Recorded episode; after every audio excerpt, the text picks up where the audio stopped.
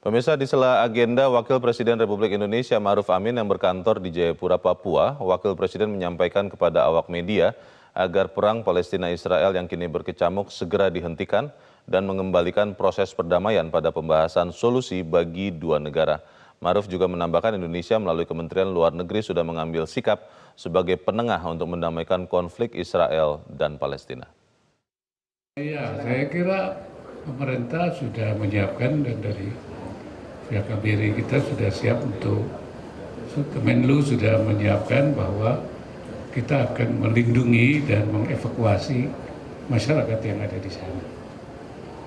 Dan kita berusaha juga untuk uh, kedua belah pihak untuk menghentikan ya, pertempurannya dan kembali kepada uh, penyelesaian damai dan kembali kepada uh, penyelesaian apa namanya to huh? ya two state solution itu kembali dan itu kita Menteri Luar Negeri sedang melakukan uh, untuk ikut mendamaikan dan menghentikan pertempuran di samping mengevakuasi warga kita yang ada di sana. Jelajahi cara baru mendapatkan informasi. Download Metro TV Extend sekarang.